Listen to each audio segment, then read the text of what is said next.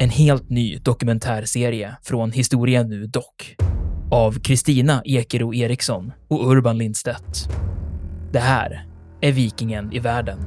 Vikingarna, de var inte något främmande folk. Sannolikt är det ett slags tempel, ett kulthus helt enkelt. Enligt legenden så är rurikiderna skandinaver. Från skeppet och bränslet och slavinnan och hennes herre hade blivit till aska.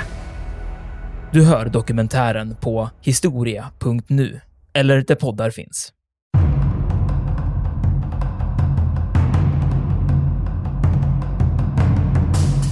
Hovsalmarna och eh, Salminen sitter och, och pillar på en låda med granater. Ja, det låter ju helt barockt. Alltså jag måste ju säga att det här, man undrar ju nästan om det var medvetet. Alltså. Men då den här soldaten Kustikulo som sitter vid det här fönstret. Han hör hur en granat osäkras. Och han kastar sig ut i det här rummet och samtidigt så ser han då hur Hugo Salminen tillsammans med Kusto Salminen kastar sig in i en garderob som finns här och stänger, stänger om sig. Och de här granaterna brinner av.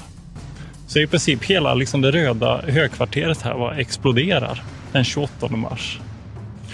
Eh, så nu dör de ju inte omedelbart, men de hamnar på sjukhuset. Eh, och, men de dör bara en tid senare. Det måste ju vara oerhört knäckande den där situationen. Och man funderar ju på då, så här, var, det, var det någon slags medvetet, var det ett eh, liksom planerat självmord det här? Att de liksom insåg vad som väntade dem.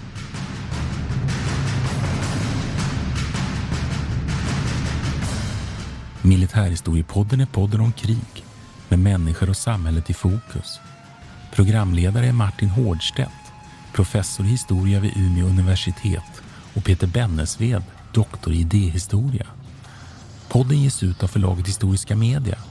Stöd gärna MH-podden via vårt swishnummer 123 610 76 68. Märk betalningen med MH-podden.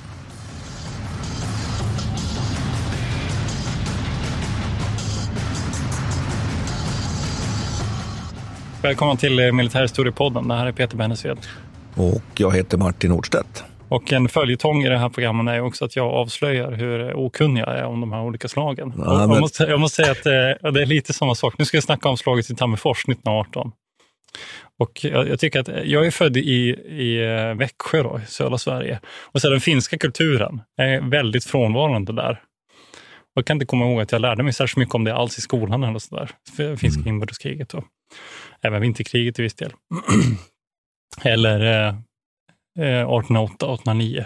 Men sen så när jag kom upp till Umeå och började plugga här, då märks det på ett helt annat vis. Att vi är sam mm. två sammankopplade områden. Mm. Och det finns, ja, mina grannar är finländska och jag har jag träffat på lärare och sådär. Men det här slaget, jag vet inte. Jag, jag har liksom inte hört talas om något försvar i princip. Nej, men... Jag erkänner det nu, rakt upp och ner bara för lyssnarna. Tyvärr. Ja, då är det så att då sätter du väldigt press på mig då, för då ska jag framstå som den som kan det här. jag, kan, jag kan trösta dig med att jag har läst in mig lite till, ja. sen dess.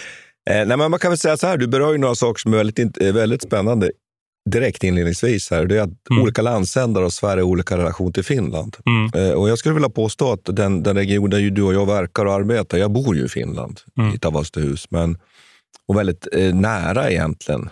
Ju faktiskt bara en, en, en timmes bilfärd från Tammerfors som är ju centrum för det, det här enorma stora dramat som vi ska prata om idag, så kan man väl säga att Norr, Norrland, svenska Norrland och Umeåregionen har ju en, en, naturlig närhet till Finland. Det är det första vi kan konstatera. Sen kan man ju säga att slaget vid Tammerfors är ju det största militära slaget, den militära uppgörelsen i Nordens historia före mm. andra världskriget. Så fram till 1918 och det slag som utkämpas ju i, i månadsskiftet mars-april 1918 i Tammerfors så finns det inget slag som är större. Nej. Och vi kan väl börja och säga det. Och då pratar vi liksom i mantal? Då pratar vi om manskap. Mm. Att I den här staden, i, i, på en väldigt liten yta, så sätts det då in ungefär, om man räknar mellan tummen och eh, pekfingret, det är väldigt osäkert exakt hur många soldater som deltar i alla de här operationerna kring staden och hur många som sätts in direkt i staden. Men man jag kan läste säga, en bit över 30 000. Ungefär, över ja. 30 000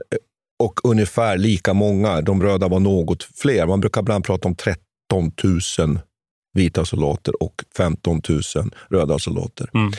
Och nu måste vi börja förklara några saker här. Mm. Därför att lyssnarna som kanske inte är bekanta med den här historien blir väldigt förvirrade. Det var ju röda och vita och var inbördeskrig. Och då kan vi konstatera att första världs, i första världskrigets kaos så utbryter i Finland på våren 1918 ett inbördeskrig och det börjar i januari.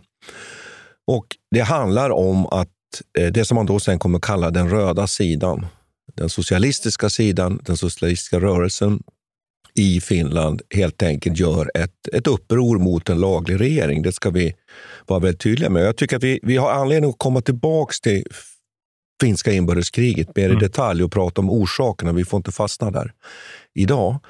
Eh, men det som händer är att den röda sidan kommer att ockupera de industrialiserade områdena i Finland. Och det är framför allt ju Helsingfors som är den största industristaden. Men Tammerfors med sina 40 000 eh, invånare, stor arbetarbefolkning, textilindustri. Okay.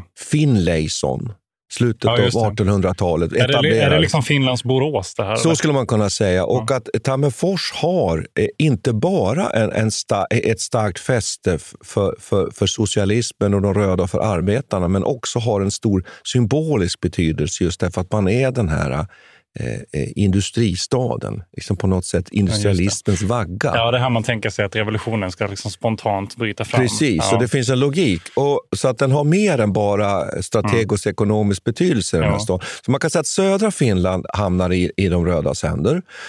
Den vita sidan kommer att eh, väldigt, väldigt konkret så flyr ju regeringen upp till Vasa. Så där sitter då den lagliga regeringen, det som sen kommer kallas då för den vita sidan, sitter i Vasa. Mm. Det är där som Mannerheim, som kommer att bli befälhavare, ansvarig för de militära operationerna, kommer att utgå från Vasa. Det är till Vasa man, det är Vasa man organiserar den vita armén inledningsvis. man får in vapen utifrån eh, och man använder sig av de här skyddskårerna som finns. Så att I Finland finns det skyddskårer och röda garden. Och De här två väldigt amatörmässiga militära organisationerna. Utifrån det här skapar man då en vit armé och en röd armé.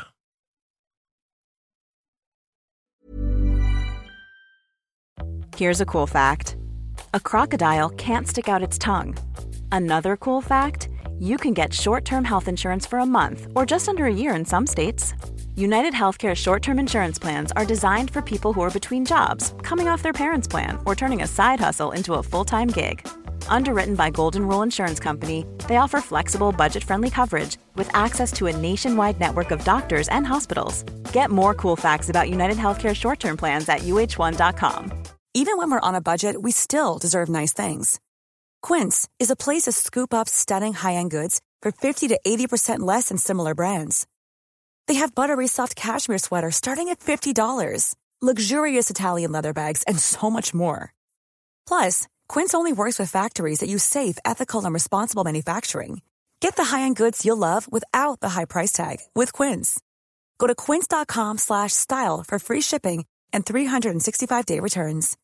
Millions of people have lost weight with personalized plans from Noom, like Evan, who can't stand salads and still lost 50 pounds. Salads, generally, for most people, are the easy button, right? For me, that wasn't an option.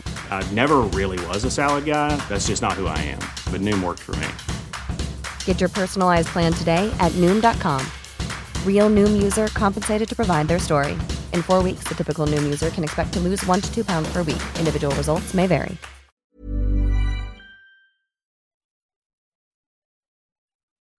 Jag vill uppehålla mig vid de där siffrorna du sa i början på tal om detta. Mm. Att när man säger så här, jag ser så många på den röda sidan, ser så många på den vita sidan. Men det är så svårt att ta det på allvar när man läser liksom vittnesskildringen och så hur det här kriget gick till.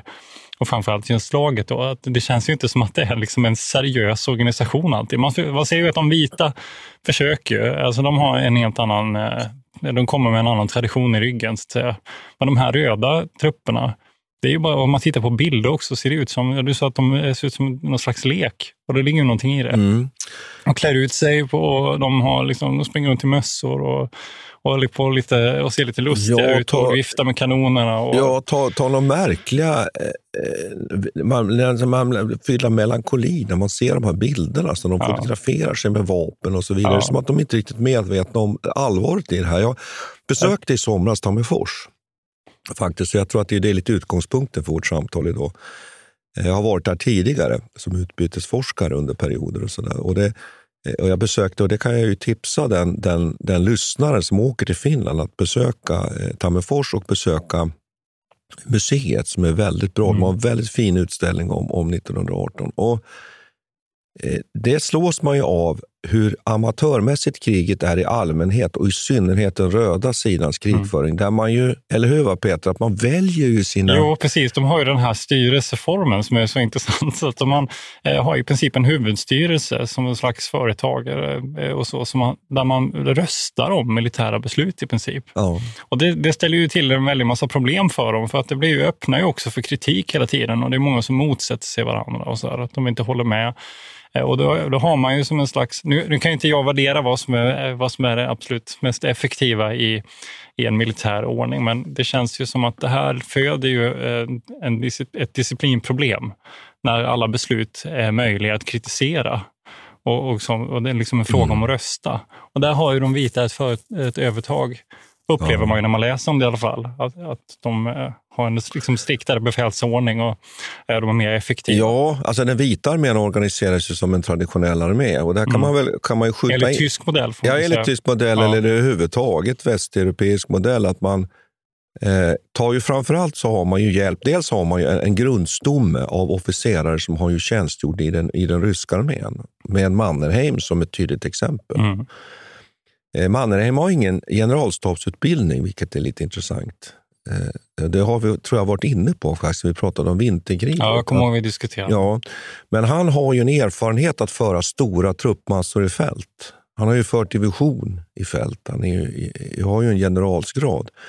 Och där har han dels då officerare som är utbildade i det ryska system. Men det som kommer att bli väldigt viktigt i, i, i inbördeskrig, som kanske är egentligen det svenska, svensk, största svenska bidraget, det är att vi, det, det finns alltså många, många svenska officerare med i inbördeskriget på den vita sidan och framför allt styr upp stabsarbetet. Mhm. Bland annat en person som heter Peyron som är officer och finns i så att säga Mannerheims stab. Och det är han som faktiskt gör grundarbetet, fotarbetet, stabsarbetet i planeringen av den här operationen som sen leder fram till anfallet och intagandet av Tammerfors. Och sen har, eh, finns det ju en, en svensk brigad som vi, vi kommer att ha anledning att prata en del om idag. Mm. För det är ju lite spännande. och Det är klart att vi är ju lite, lite svensk närsynta. Att vi tycker att det är spännande att det finns en svensk brigad på plats. Mm. Som ju rekryteras på frivillig grund. Sverige annars går ju inte in i det här kriget officiellt om man uttrycker det så. Och man stoppar till och med möjligheten att, att, att skicka över vapen. Utan här kommer då att få ske i skymundan. Men det finns alltså en frivillig organisation där det finns olika personer i Sverige som är oerhört engagerade för, för det man säger. Då, det som vi sen pratar om Finlands sak. Det är Eh, en följetong också i den svenska socialdemokratin att de inte är alltid är måna om att stödja sina Eh. socialistiska bröder i andra, i andra länder. Nej, det, det kan, vi, kan vi uttrycka utan att komma, komma för mycket in på liksom inbördeskrigets allmänna historia. Att Mm. Hjalmar Branting och socialdemokratin har ju, hamnar ju väldigt stora problem när man ska förhålla sig till inbördeskriget i Finland. Men man är väldigt tydlig. Och Jag tror att Hjalmar Branting uttrycker ungefär på det här sättet. Så ska, måste jag välja mellan mina klassfränder i Finland eller demokratin?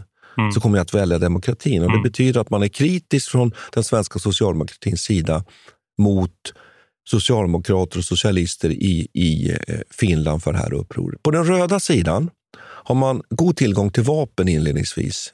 Eh, Det är en fördel man har. Man har bland annat ett par pansartåg Just det, de kommer spela stor roll i ja, som, fa- så, som, som Ja. finns med vid Tammerfors och eh, är ett stort problem för den vita sidan. Eh, man har också en del ryska officerare, men det här är en sak Mm. som inte ska överdrivas. Det finns en del ryska soldater eh, på plats och man har ett stöd från också faktiskt Sovjetunionen. Och där kan vi väl, tycker jag, direkt komma nu in i händelseförloppet här. att Det som är Mannerheim och den, och den vita stavens problem här, det är att egentligen skulle man vilja ta Viborg. Viborg ligger ju i östra delen av Finland. Man skulle så att säga vilja slå av kontakten mellan det röda Finland och eh, det bolsjevistiska Sovjetunionen helt enkelt. Därför att okay. förhindra förstärkning av vapentransporter.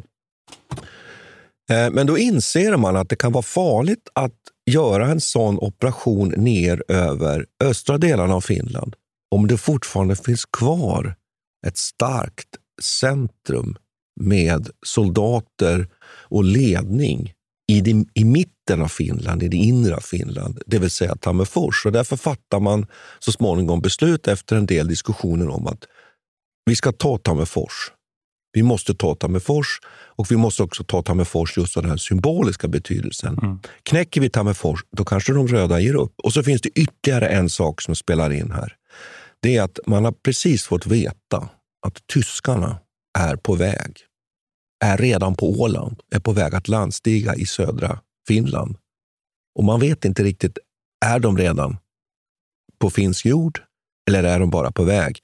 Och då, vad var deras syfte? Vad, ja, alltså Tyskland, Tyskland förhandlar och spelar med så att säga, den civila delen av den här finska vita sidan. Mm. Mannerheim är inte glad över att tyskarna kommer av flera orsaker. Han vill inte att Finland hamnar, hamnar in under Tyskland. Tysk, nej. nej. Men det här, det här, nu vill jag stanna upp och fråga, ja. för det här fattar jag inte. Alltså, för någonting man diskuterar, nu, okej, nu pratar vi lite mer om finska inbördeskriget som helhet, men äh, liksom, vilken roll äh, första världskriget spelar här. Och jag förstår inte ens hur, hur kan det vara så att Tyskland ens har resurser vid det här laget att skicka någonting till Finland överhuvudtaget. Ja, det, det, är bara, det, det förvånar mig när jag läser om det. Ja, det är så. Och vilka ja. intressen har de egentligen av att äh, engagera sig i den här? Det är klart att de är ju de är ju emot det kommunistiska såklart. Men, men eh, jag menar, det här är ju precis i revolutionens linda. Det har precis alldeles nyss startat igång i Ryssland. Jag, jag ser inte liksom vad, vad händelseförloppet här. Vilket... Ja, det är så att Ryssland har, ja. har ju förlorat kriget, har ju förlorat första världskriget. Ja, precis. Men de är ju försvagade på sitt håll. Vad har Tyskland för intressen? Ja, att de men då, då, är det så alltså att alltså, i början på mars så skriver man den här Brest-Litovsk-freden. Och Det betyder ju att Tyskland har, har, plötsligt möjlighet att kliva in i det här vakuumet som finns i Östersjön. Och man vill in. Man vill in i Baltikum, man vill in i Finland. Så enkelt okay. är det. Och kriget är ju inte avgjort i Europa. Avgörandet i kriget i Europa kommer ju först på, på hösten, november. Utan tyskarna är ju snarare här på väg att sätta igång sin våroffensiv som initialt faktiskt blir framgångsrik. Det har vi pratat om i, mm. i andra avsnitt här. Bland annat när det gäller spanska sjukan pratade vi om, om den här tyska våroffensiven 1918. Och Därför engagerar man sig i Finland. Det, det handlar ju om att flytta fram sina positioner. Man vill komma in i Finland, man vill få kontroll i Finland och stoppa upp och också garantera att inte Finland det vita Finland blir överkört av den röda sidan. För det ska vi komma ihåg här, mm. att det är ingenting som är avgjort i mars 1918. Och här, Mannerheim, vill inte hamna in under tyskt inflytande. Sen kan det också handla om att, att, att eh, Mannerheim i grund och botten egentligen var det som var målet för honom var att återupprätta Tsarryssland. Och han var också vänligt inställd. Man skulle kunna säga att han var anglofil. Han var mer vän mot, mot västmakterna. Mm. Det här är väldigt intressant. Vi har säkert anledning att återkomma till det här i flera, mm. i, i, flera omgångar. Bland annat när vi ska prata om fortsättningskriget 41-44. När vi ska prata om, om, om, om vi gör ett avsnitt så småningom om hela inbördeskriget. Men man kan säga att det påverkar beslutet. Det påverkar beslutet att gå mot Tammerfors. Vi måste ta Tammerfors. Vi måste visa att vi kan föra kriget självt. Att det är mm. finska trupper som vinner mm. inbördeskriget. Vi behöver inte hjälp. Och därför startar man den här operationen mot Tammerfors. Okay. I mitten av mars. Mm. Eh, kan vi prata lite om hur Tammerfors ser ut här nu? Då, vad som, ja, dels vill jag säga så här, att nu har vi pratat lite om Mannerheim, men på den röda sidan så har vi den här karaktären Hugo Salmela, som jag tycker ja. också är fint. Och han, han, gör ett, eh, han får ett snö, väldigt dråpligt öde kan man säga. Men här är det intressant eh, och som visar också på stora skillnader här mellan röda och vita, att det här är en person som måste jobba som vaktmästare på teatern i Tammerfors. Ja, han var väl amatörskådespelare? Ja, han, fick liksom, han, precis, han hoppade in som amatörskådespelare också. Men huvud, huvudsakliga sysslan vaktmästare. Och, det här var, och han blev så, alltså framröstad till överbefälhavare för försvaret av Tammerfors. Mm. Så då förstår man ju också vilken typ av... Eh, ja, nu hade han i och för sig liksom officerare inom situationstecken med sig eh, som var erfarna från strider runt omkring. Så han var ju inte så ensam i det här. Men det säger ju också någonting ganska tydligt om vilken typ av organisation som Mannerheim mm. möter i Tammerfors.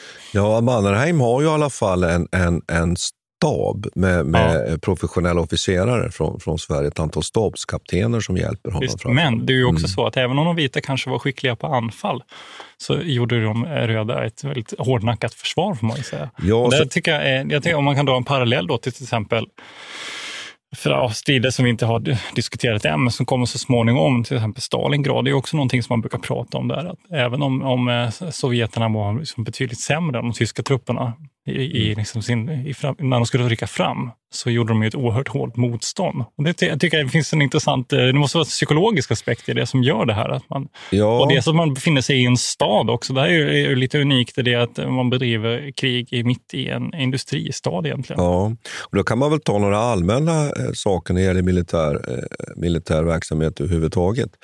Man brukar säga generellt att när man anfaller så ska man alltid vara tre mot ett. Det vill säga pluton anfaller en grupp ett kompani anfaller en pluton och så vidare. En bataljon anfaller ett, ett kompani. Man ska alltså ha ett av, övertag 3-1. Det här, eh, det här förstärks ytterligare när man anfaller mm. i stadsterräng. Och det finns ju ingenting som slukar så mycket trupper som strid i bebyggelse.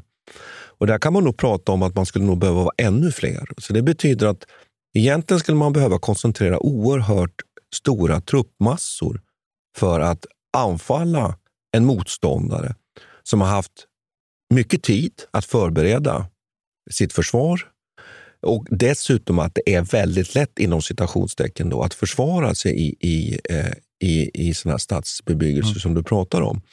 Eh, och du, du nämnde Stalingrad här. Om man dessutom förbekämpar staden, nu gör man ju inte det så kraftfullt i det här fallet, men då är det ju så att den här ruin miljön. Den blir ju ännu svårare att ta mm. sig igenom. Mm. Så man ska komma ihåg att, att anfalla och ta ett, ett kvarter, ett bostadsområde, det är ju det är en bataljonsuppgift. Vi pratar alltså 600 till 1000 man behöver man för att sätta sig in. Därför att man måste slåss från, från hus till hus, från rum till rum. Och Det här möter man ju inne i Tammerfors. De här striderna blir väldigt brutala. De blir också, som vi kommer ha anledning att återkomma till flera gånger i det här avsnittet, väldigt förvirrade. Vem mm. är vem? Vem är fiende? Dessutom är de här låg utbildningsnivå på de här soldaterna på båda sidorna generellt. Eh, dålig utrustning. Eh, hur var man utmärkt? Här försöker man ju på den vita sidan, när man tränger in i staden sen, att arbeta med att man ska sätta en, en grankvist i mössan. Mm. Och Det blir ju helt avgörande, för att övrigt kanske man ganska mycket liknande varandra. Inte ens på den vita sidan hade man alla trupper uniform. Ja, Nej. Så att det här möter vi också den här äh, stadsstridens verklighet. Sen har vi ytterligare en sak som blir så uppenbar i, i fallet med Tammerfors. Vi har ju de civila. Mm. Som också deltar i strider och, och drabbas av strider. Mm. De finns inne i staden. Mm. De tar sig skydd i källare och ja, försöker hålla sig undan.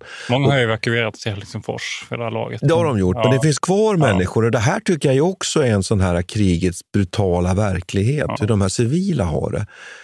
Det, det skjuts ju en hel del artilleri in i Tammerfors, det gör det. Mm. Men förbekämpningen som man brukar säga på militärspråk, den är ju inte så mm. omfattande som vi tänker oss. Vi har till exempel pratat om Verdun och sådana här ja. saker. Va? Slaget vid Verdun. Ändå innehåller det, alla, det innehåller ändå alla element om man säger till eh, ja. det som vi kommer sen känna igen under andra världskriget. Hi, I'm Daniel, founder of Pretty Litter. Did you know cats tend to hide symptoms of sickness and pain? I learned this the hard way after losing my cat, Gingy. So I created Pretty Litter, a health monitoring litter that helps detect early signs of illness by changing colors, saving you money and potentially your cat's life. Pretty Litter is veterinarian developed, and it's the easiest way to keep tabs on your fur baby's health right at home. Go to prettylitter.com and use code ACAST for 20% off your first order and a free cat toy. Terms and conditions apply. See site for details. Many of us have those stubborn pounds that seem impossible to lose, no matter how good we eat or how hard we work out. My solution is PlushCare PlushCare is a leading telehealth provider with doctors who are there for you day and night to partner with you in your weight loss journey. They can prescribe FDA-approved weight loss medications like Wagovi and Zepbound for those who qualify. Plus, they accept most insurance plans. To get started, visit plushcare.com slash weight loss. That's plushcare.com slash weight loss. Normally, being a little extra can be a bit much, but when it comes to healthcare, it pays to be extra. And United Healthcare makes it easy with Health Protector Guard fixed indemnity insurance plans. Underwritten by Golden Rule Insurance Company, they supplement your primary plan, helping you manage out of pocket costs without the usual requirements and restrictions like deductibles and enrollment periods. So when it comes to covering your medical bills, you can feel good about being a little extra. Visit uh1.com to find the Health Protector Guard plan for you. Men vi kan väl säga någonting om ja. Tammerfors. Alltså, Tammerfors ja. ligger på ett näs mellan två sjöar. De heter Näsijärvi i norr och, och, och Pajärvi i, i söder. Och sen går det en fors mellan de här två sjöarna. Och det är längs den här då som, som staden utbreder sig på, på, på, på östra sidan och på västra sidan. Så att här, här väljer man nu då att anfalla in från öster, sydöst och från, från nordväst. Eh, planen var inledningsvis att man skulle helt enkelt anfalla norrifrån mot Tammerfors och, och de röda hade mycket trupper norr om Tammerfors. Så planen var inledningsvis att man skulle anfalla norrifrån och binda de här trupperna. Det är ett sånt där militärt uttryck. Mm. Kringgå de här trupperna som fanns eh, vid en järnvägsknut norr om, om Tammerfors och sen anfalla Tammerfors utan att de här trupperna som fanns norr, de röda trupperna som fanns norr om Tammerfors skulle så att säga kunna delta i de här striderna i Tammerfors. Men vi kan väl konstatera att den här operationen då, den, den, den misslyckas. Och det, det blir så att man lyckas inte binda de här trupperna tillräckligt bra norr om Tammerfors. Eh, idén att kringgå, man kommer iväg för, för, för, för långsamt. Man man samordnar inte de här operationerna. Man har faktiskt, eh, de, de vita trupperna är faktiskt uppdelade på fyra stycken kolonner här med olika befälhavare. Eh, så man kan säga att inledande operationerna blir ett misslyckande. Det handlar ju om att, att man, man är inte tillräckligt bra på att samordna, man är inte tillräckligt professionella. Det är svårt med kommunikationen och som du också har varit inne på, de röda biter faktiskt ifrån. Mm. Så att de röda lyckas evakuera de här trupperna via järnvägen. In i Tammerfors. In i Tammerfors mm. och får då en, en styrketillväxt och blir starkare än vad man hade hoppats på. Så det här kan man säga är ju ett inledande streck i räkningen för den vita sidan. Men hur som helst så inringar man ju då så, så småningom eh, Tammerfors. Och Tammerfors är definitivt inringat den 24 mars och då skickar faktiskt Mannerheim en uppmaning, uppmaning till de röda inne i Tammerfors att kapitulera. Och det är där det utspelar sig det här som du har varit inne på så, så, så oerhört intressant. att Den här Hugo Salmela, som ja. ju har varit befälhavare, han ifrågasätts lite. Och sen har man ett, en ny mm. omröstning. Och så väljs han igen till, ja. till eh, eh, befälhavare. Och det är ju någonting som jag tycker är väldigt spännande. Ja. Och det betyder ju som du säger här att att le ledarskapet måste ju ha varit väldigt komplicerat. Ja. Men man kan väl kanske nämna så här att, att vi har ju då ett antal stridsgrupper som närmar sig Ja. Och så sa du, det var den 24 uh, mars, 24 mars. Så är, är den inringad och man, man eh, och här har man ju nu även en ytterligare dimension som jag tycker vi måste lägga till. Att, att söder om Tammerfors så finns det en järnvägsknut eh, som är viktig. Eh, och den försöker de röda återta. Så samtidigt med Tammerforslaget så pågår det en, i omgångar hela tiden en, en strid söder om Tammerfors. Där de röda naturligtvis försöker slå sig igenom för att undsätta Tammerfors. Eh, Lempele är en plats söder om Tammerfors. Så att man kan säga att det pågår egentligen en mind, ett mindre slag egentligen parallellt med Tammerforsslaget. Mm. Eh, och där kan man ju diskutera. Att det är, tänk om de hade brutit igenom där. Då hade ju de vita trupperna som anfaller sydöstifrån blivit anfallna i ryggen. Så att det gäller ju att få igång anfallet mot Tammerfors så snabbt som möjligt så att inte det där, det där hinner, hinner inträffa. Då. De här händelserna runt eh, Kalavankangas, då, är, är det, det ja. känns, de har blivit väldigt mytomspunna. Ja, det och då vi, kommer de alltså från den östra ja, sidan? Då kommer man österifrån. Jag ska, jag, ska, jag ska rätta mig lite här. Det är faktiskt så att den är den 25 som man, man, man, man ger, ja. Eh, uppmanar staden att, att eh, kapitulera. De första anfallen de inleds då öster, österifrån och mm. då är det här ett område som är, som du säger, du, Eh, Kalevankangas. Det är, idag då finns det en, en stor kyrkogård där som är större än vad det var på den tiden. Och man kan säga att området österifrån då behärskas egentligen av två stycken åsar med ett, med ett öppet område emellan. Och den här kyrkogården den ligger då så att säga på den här med den sydvästra sidan då, längs med den åsen. Och Sen finns det också bland annat en, en travbana och eh, en uppsättning ryska kaserner i det här området. Och det är här som de första striderna kommer att utkämpas. man, man, man bestämmer sig för att eh, man inser att man måste ha förstärkning och man sätter in här dels då eh, nya kan man säga regementen med rekryter, så kallade jägarregementen.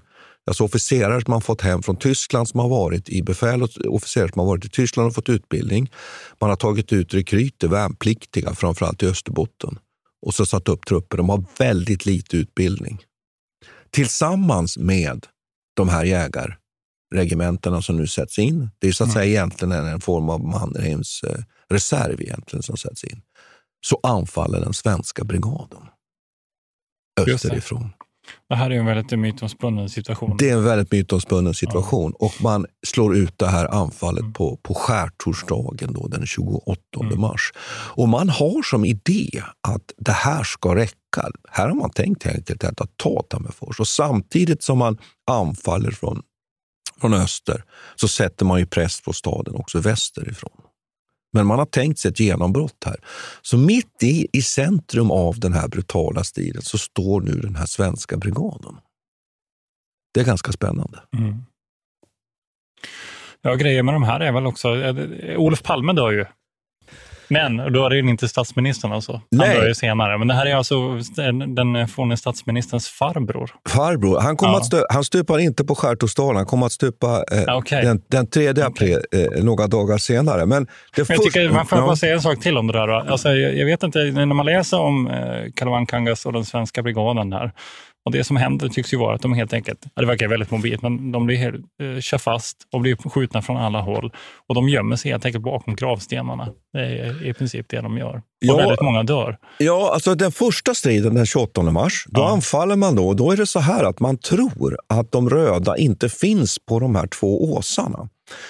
Eh, så man kan säga att man rör sig genom ett område som ser ungefär ut så här. På vänster sida har man en, en skogsbeklädd ås och på höger sida har man en skogsbeklädd ås. Och så rör sig den svenska brigaden. Det finns beskrivningar av att det är nästan som liksom på något sorts paradfält. Så går man över den här öppna ytan. Det är väldigt svårt att hitta exakta skildringar av det här. Man tittar alltså jag tycker också det. När jag läser om det, jag hittade en bok här som mm. i princip bara består av vittnesskildringar. Då framgår inte riktigt det här mytomspunna. Nej, liksom hur, jag tycker att de är ganska milda i sina förklaringar. Ja. Alltså, och det, det, det, de säger så här, givetvis, ja det är många som dör här. Och, och de, ja, det skjuts åt höger och att de inte får, kunde ta sig fram nej, men, men, om jag förstår om man lägger summan av alla de här berättelserna. Det finns bland annat en, en som heter Boetius som, som har skrivit om det här i efterhand. Som har goda inblickar och som är samtida. När man anfaller då framåt den 28 på skärtorsdagen så plötsligt kommer man under eldgivning från de här åsarna. Och då visar det sig att de röda som man trodde hade retirerat från det här området dagarna innan, de har tydligen återkommit. Så man kommer under eld och det är också att förvirringen uppstår här och det finns, finns misstankar om att man också skjuter på varandra här faktiskt i det här skedet. Det finns misstankar om att man faktiskt skjuter på varandra. Mm. Och Man har här initialt alltså sina första förluster, så att första dagens strider blir kaotiska. Man kommer så småningom att ta den här travbanan och man hjälper de här eh, jägarregementena att ta det här ryska kasernområdet. Men sen kör man fast helt enkelt i, i höjd med den här kyrkogården och där ebbar de här striderna ut. Man når inte fram till staden. Eh, de här jägarregementena anfaller med väldigt hänsynslöst och har stora förluster. Svenskarna eh, mister, och här finns det olika siffror, jag har hört både 17 och 18 stupade mm. och ett antal sårade. Så det här är den första striden, det här är eh, elddopet. Men det, det, nu är jag cynisk, 17-18 pers jämfört med, med alla de hundra som dör.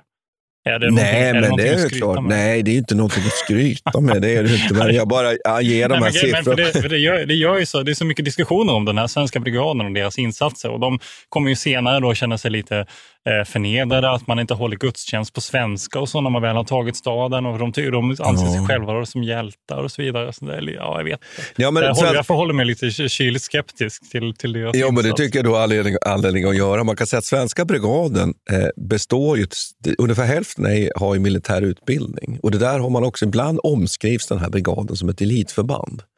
Och det måste man ifrågasätta, därför mm. att eh, övriga som är med i den här brigaden är ju med i, av massa olika orsaker. Eh, det är mycket studenter, det är mycket människor som har ideal, eh, det är mycket äventyrare. Men det är klart att man är jämfört med många vita förband som är ju ganska militärtunga utbildningstunga, man uttrycker sig så. Men ett elitförband skulle ju gå, gå alldeles för långt. Men jag tror att det som vanligt är så att vi, vi fastnar ju lite på det som har en svensk koppling. Och på något sätt är ju den här svenska brigaden någon sorts vad ska vi säga, koppling mellan det gamla moderlandet Sverige mm. och den här förlorade finska riksdelen. Så att jag tror att det är det det mest handlar om. Och de har väl säkert, känner säkert någon slags ideologiskt ansvar att, eh, att komma till Finlands räddning, de här personerna. Ja, visst är det ju så. Va? Och det är intressant att den här Olof Palme som du nämner. Han är historiker. Ja. ja, han är historiker från Uppsala. Han med sig också, om man uttrycker sig som några kompisar, ja. studentkompisar därifrån. Han och, och, han är ju farbror, det är viktigt här nu att anmärka återigen då, eh, till, till den statsminister som sen heter, hans namn är Olof Palme. Han är en av initiativtagarna till den här rörelsen som skapar den här svenska brigaden, mm. Finlands vänner, som den heter, och är själv då tjänstgör. Eh, man kör fast den 28. Sen tar man ny fart. Man samlar mer trupper, man slickar såren, man reorganiserar förbanden och sen slår man ut ett nytt anfall den 3 april. Och Då skjuter man en del Eh, för, för, bekämpning. förbekämpning. Och det är den 3 april det är den 3 april som man når fram till staden och liksom bryter in i Tammerfors. Och det är under de här förvirrade striderna, precis i utkanterna av östra Tammerfors. Det är där som nästa, kan man säga, då, grupp av svenskar stupar. Och där stupar Olof Palme. Okay. När man ska bryta in i staden. Och här är återigen är det så att här finns det mycket, mycket motsägelsefulla berättelser. En del säger att när man anfaller in mot staden och når så att säga, stadsbebyggelsen och stadsgränsen så kommer man dels under eldgivning från kulsprutor från hus, och det är ju röd eldgivning. Men man menar också att man eh, kommer att missta sig. Det finns skildringar som de, de, de vita kastas lite tillbaks här i några sekvenser i den här striden mm. den 3 april. Och att man menar att man uppfattar detta som en motstöt från staden. Och, och Det hela går ut på att man här på något sätt, och det märker man i de här skildringarna, att så fort man kommer fram till den här punkten där man ska konstatera att man börjar skjuta på varandra på den vita sidan, ja, då fejdar de här berättelserna. Mm. De blir suddiga. Ja, de kanske inte är så intresserade av att berätta om Nej, det heller. och det är helt klart att man här skjuter på varandra. Mm. Så att en, ja, del, av dem, jag ska säga att en ja. del av de här svenskarna stupar ju alltså av det som man brukar kalla då för friendly fire, att man skjuter på, på varandra. Ja, det måste varit extremt förvirrande att befinna sig också i den här stadsmiljön. Jag vet, jag vet att jag läste om en, en grupp soldater från den vita sidan som tar sig in i ett hus eh, någonstans och, och, de lyckas överleva hela vägen in så att säga, och befinner sig mitt i det, i det röda men sen blir tvungna mm. att egentligen springa därifrån för de upptäcker att resten av, av de vita trupperna inte följer efter eller inte lyckas. Liksom. De är isolerade? Nej, de är isolerade i den här men ändå. Och sen de i princip befinner sig, alltså, då har de röda på ovanvåningen. Ja. Och i alla rummen bredvid, ja. ja runt omkring dem. Ja. Och, så ja. sitter de och så fort man bara tittar ut genom mm. fönstret mm. så får de ett skott som i i bröstet. Ja, och, och, man ska komma ihåg att just det här att, att ta, att, att ta en, en, en bebyggelse, att anfalla in. I, idag i modern eh, militär utbildning så är det ju väl, det här är, är ju något av det svåraste man kan göra. Och man måste öva truppen oerhört väl. Eh, man jobbar ju ofta två och två. Och man har vapnen riktade framåt. Man är väldigt nära. Man samarbetar till exempel. En slänger in eh, handgranat, en hoppar in, rensar. Man skjuter ofta mot hörnen i rummen. Och man har ju automatvapen idag, så man kan skjuta mm. serie av skott. Och man samarbetar och man övar. Man ska komma ihåg att en modern soldat har ju kroppsskydd och sådana saker. Vi får tänka på att de här har långa gevär med bajonett på många mm. gånger. Ryska gevär. Det är repetergevär, många av de här. Du måste göra mantelrörelse efter varje skott. Eh, har de handgranater överhuvudtaget? Det är bara att förstå. Jag, mm. jag, har svårt att sätta mig in i hur man överhuvudtaget togs in i de här byg byggnaderna. Pistolerna spelar ganska stor roll. hade man pist pistoler ja. kanske för den här mm. närstriden, mm. men, men, man ska komma ihåg att dåligt utbildade och dåligt utrustade bedriver man här eh, krig i bebyggelsen. Det är klart att det kommer förluster. Och de här striderna som det skildras i litteraturen är, är, är otroligt förvirrade och, och, svårt för befälhavarna att också ha någon mm. som helst. Men vi kan väl konstatera att den 3 april så tar man sig in i Tammerfors. Och, eh, här är det faktiskt så att ett, till och med så att ett kompani med österbottniska soldater de tar sig hela vägen in i, i Tammerfors och bakvägen faktiskt går igenom hela staden, tar sig igenom hela staden och, och kommer att att faktiskt nå den norra delen av staden. Man slinker så att säga igenom hela eh, Tammerfors okay. och tar en, ett, ett, ett, ett, ett område med, eh, som heter Näsilina. Näsilina som ligger alltså i den nordvästra delen av. Eh, och där intar man ett, ett, ett stort byggnadskomplex. Men man blir isolerad. Och de röda upptäcker så småningom men vi har ju vita soldater mitt inne i så att säga, vår gruppering, skulle man uttrycka det militärt. Och därför kommer de här vita med, med stora förluster sen att faktiskt få retirera ut på, på isen norrut, Näsi, Näsi Järvi, ut på sjön faktiskt. Men sen fortsätter ju striderna och då börjar man också inta de västra delarna av Tammerfors.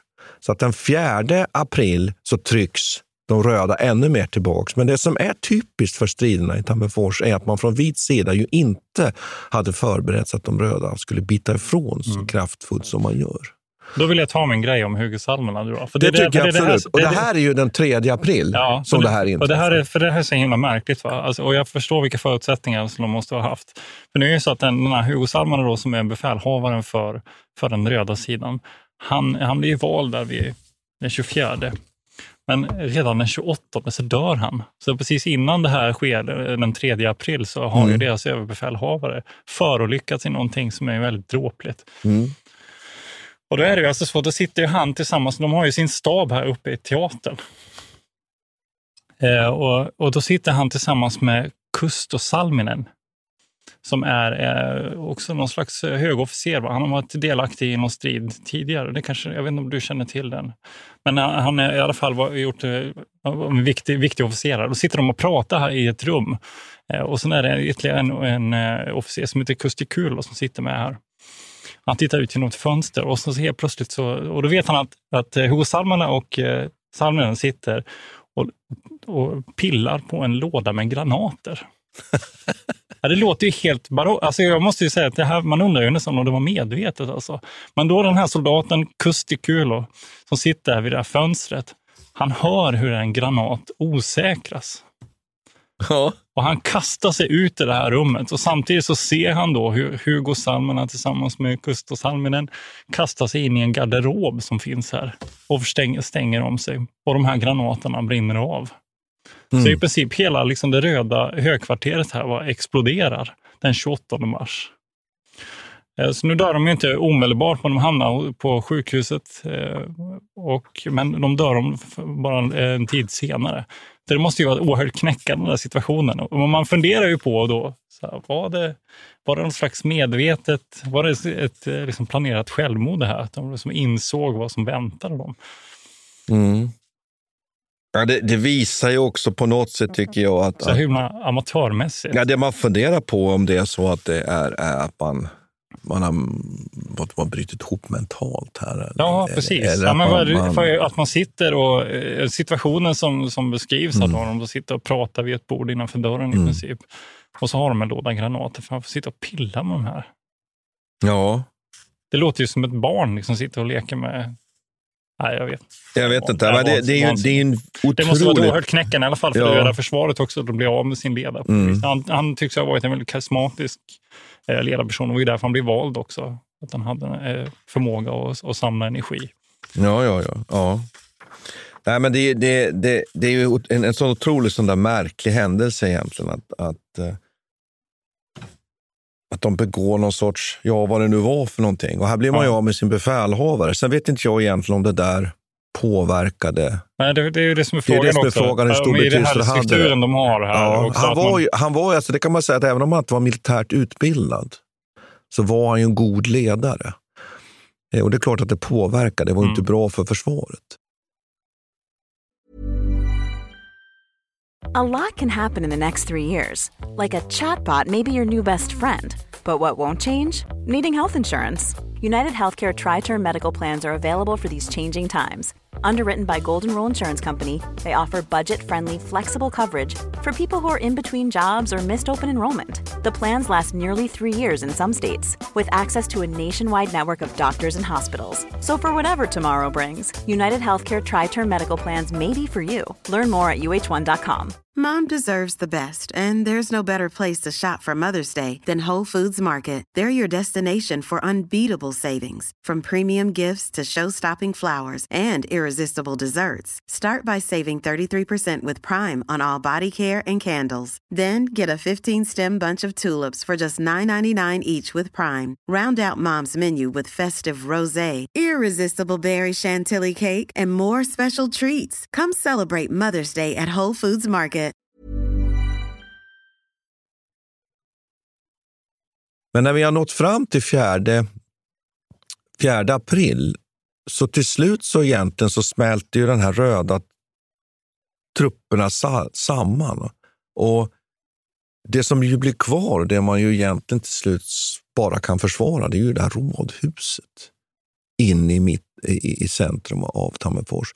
Och vid det här laget har ju de vita egentligen eh, stoppat upp sin anfallsrörelse. Man är inte längre så, så man, man menar att vi, nu har vi, vi har vunnit det här slaget och vi behöver inte offra trupper nu på att storma det här, det här rådhuset. Utan där räntar man ju helt enkelt ut, ut de röda. Man kan ju också eh, anmärka här att huvudstriderna egentligen under slaget det kommer att stå i de östra delarna av Tammerfors och i de här arbetarkvarteren, då, Tammela. Och ser man på bilder från Tammerfors efter kriget så är ju de här områdena oerhört förstörda.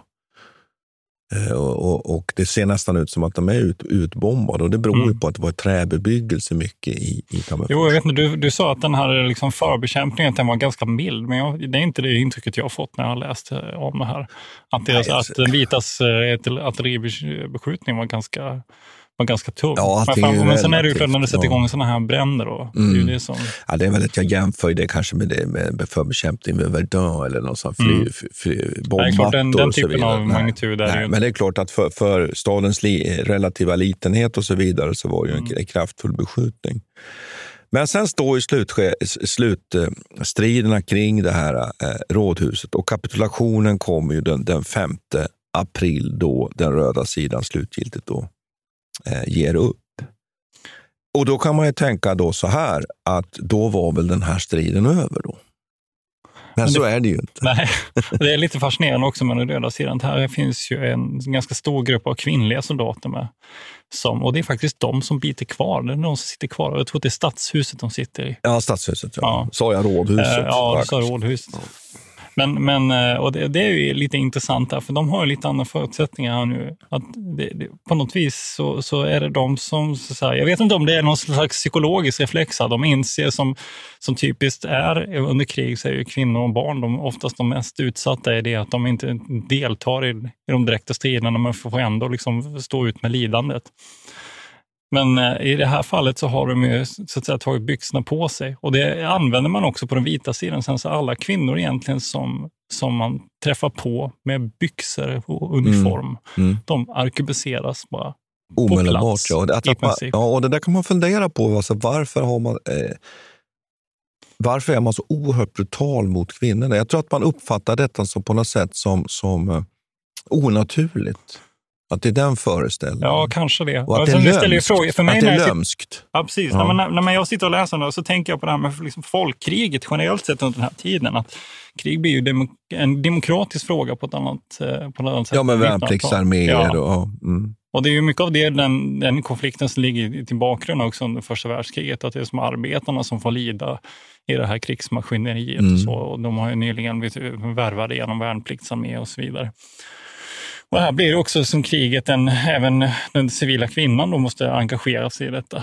Och, och jag vet inte om de vita då tänker sig att, man, att de, genom att de tar den rollen då, så, så får de också stå ut med, med konsekvenserna av det. Att de är, för de är nästan, de är nästan hårdare med, med kvinnor. Med kvinnorna. Och sen en annan sak också som är intressant är att även om de kapitulerar så, så slutar ju inte vita soldater att eh, bli bekämpade. Så att säga. Att det är mycket sådana här, de skjuter från källargluggar och det är mycket lönnmord som pågår. Mm, det, finns skildringar, ja, mm. det finns skildringar om eh, vita soldater som får halsen avskuren av kvinnliga frisörer och sådana saker. Och att Mm. kvinnor som går runt och har liksom pistol i muffen och så skjuter de en, eh, vita officerare och Mm, så. mm. De släpas ut och arkebuseras på en Och gång på när en de blir påkomna. Och sådär. Och man kan också tillägga... Men det, verkar ja. vara framförallt att det är kvinnorna som fortsätter det här i så stor utsträckning som jag tycker.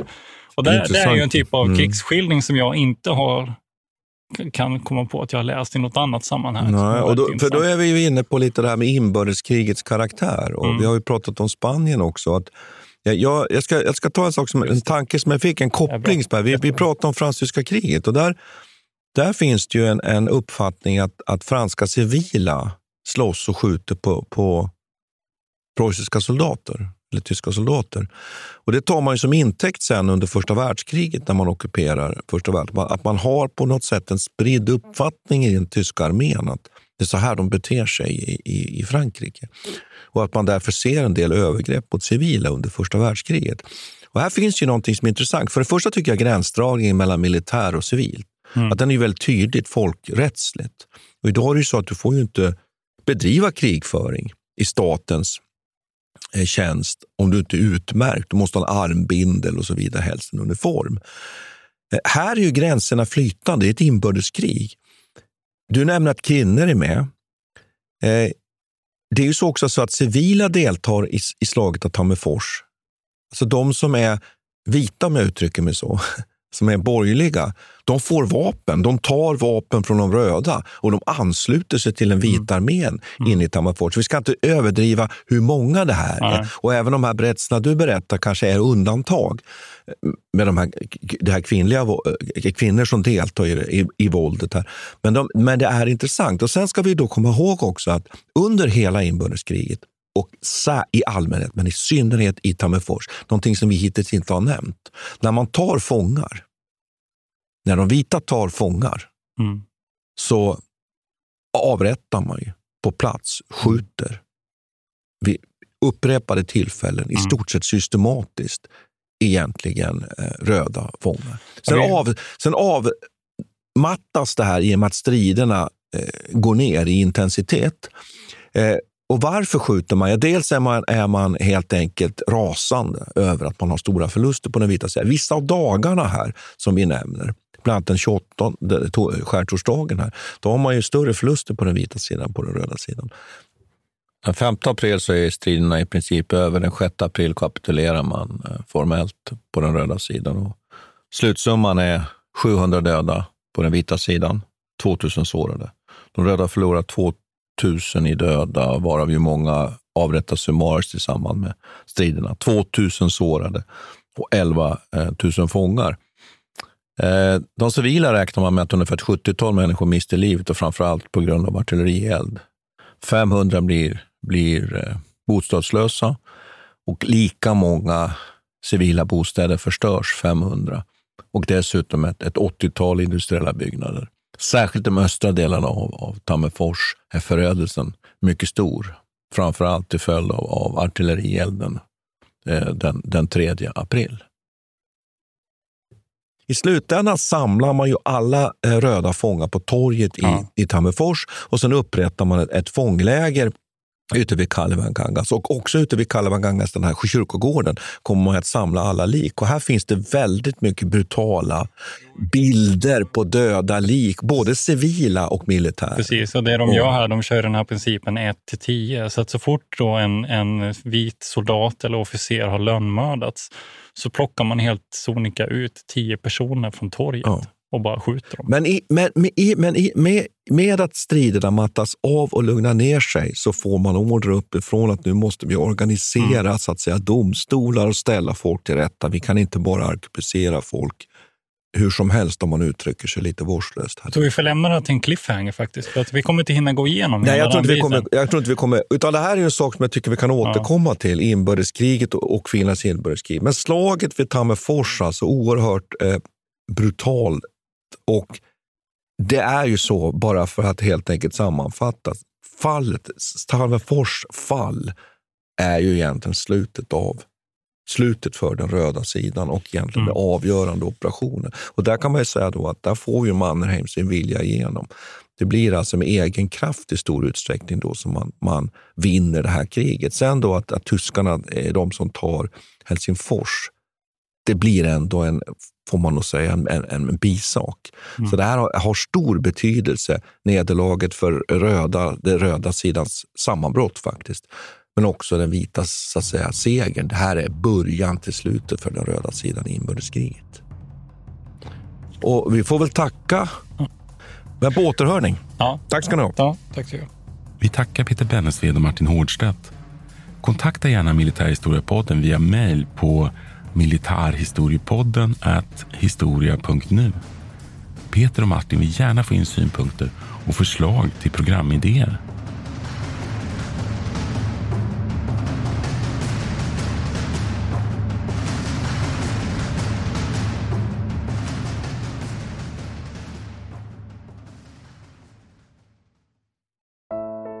Iran har under 1900-talet genomgått tre omvälvande revolutioner som orienterat landet antingen mot västerlandets modell eller mot en auktoritär styrelseform.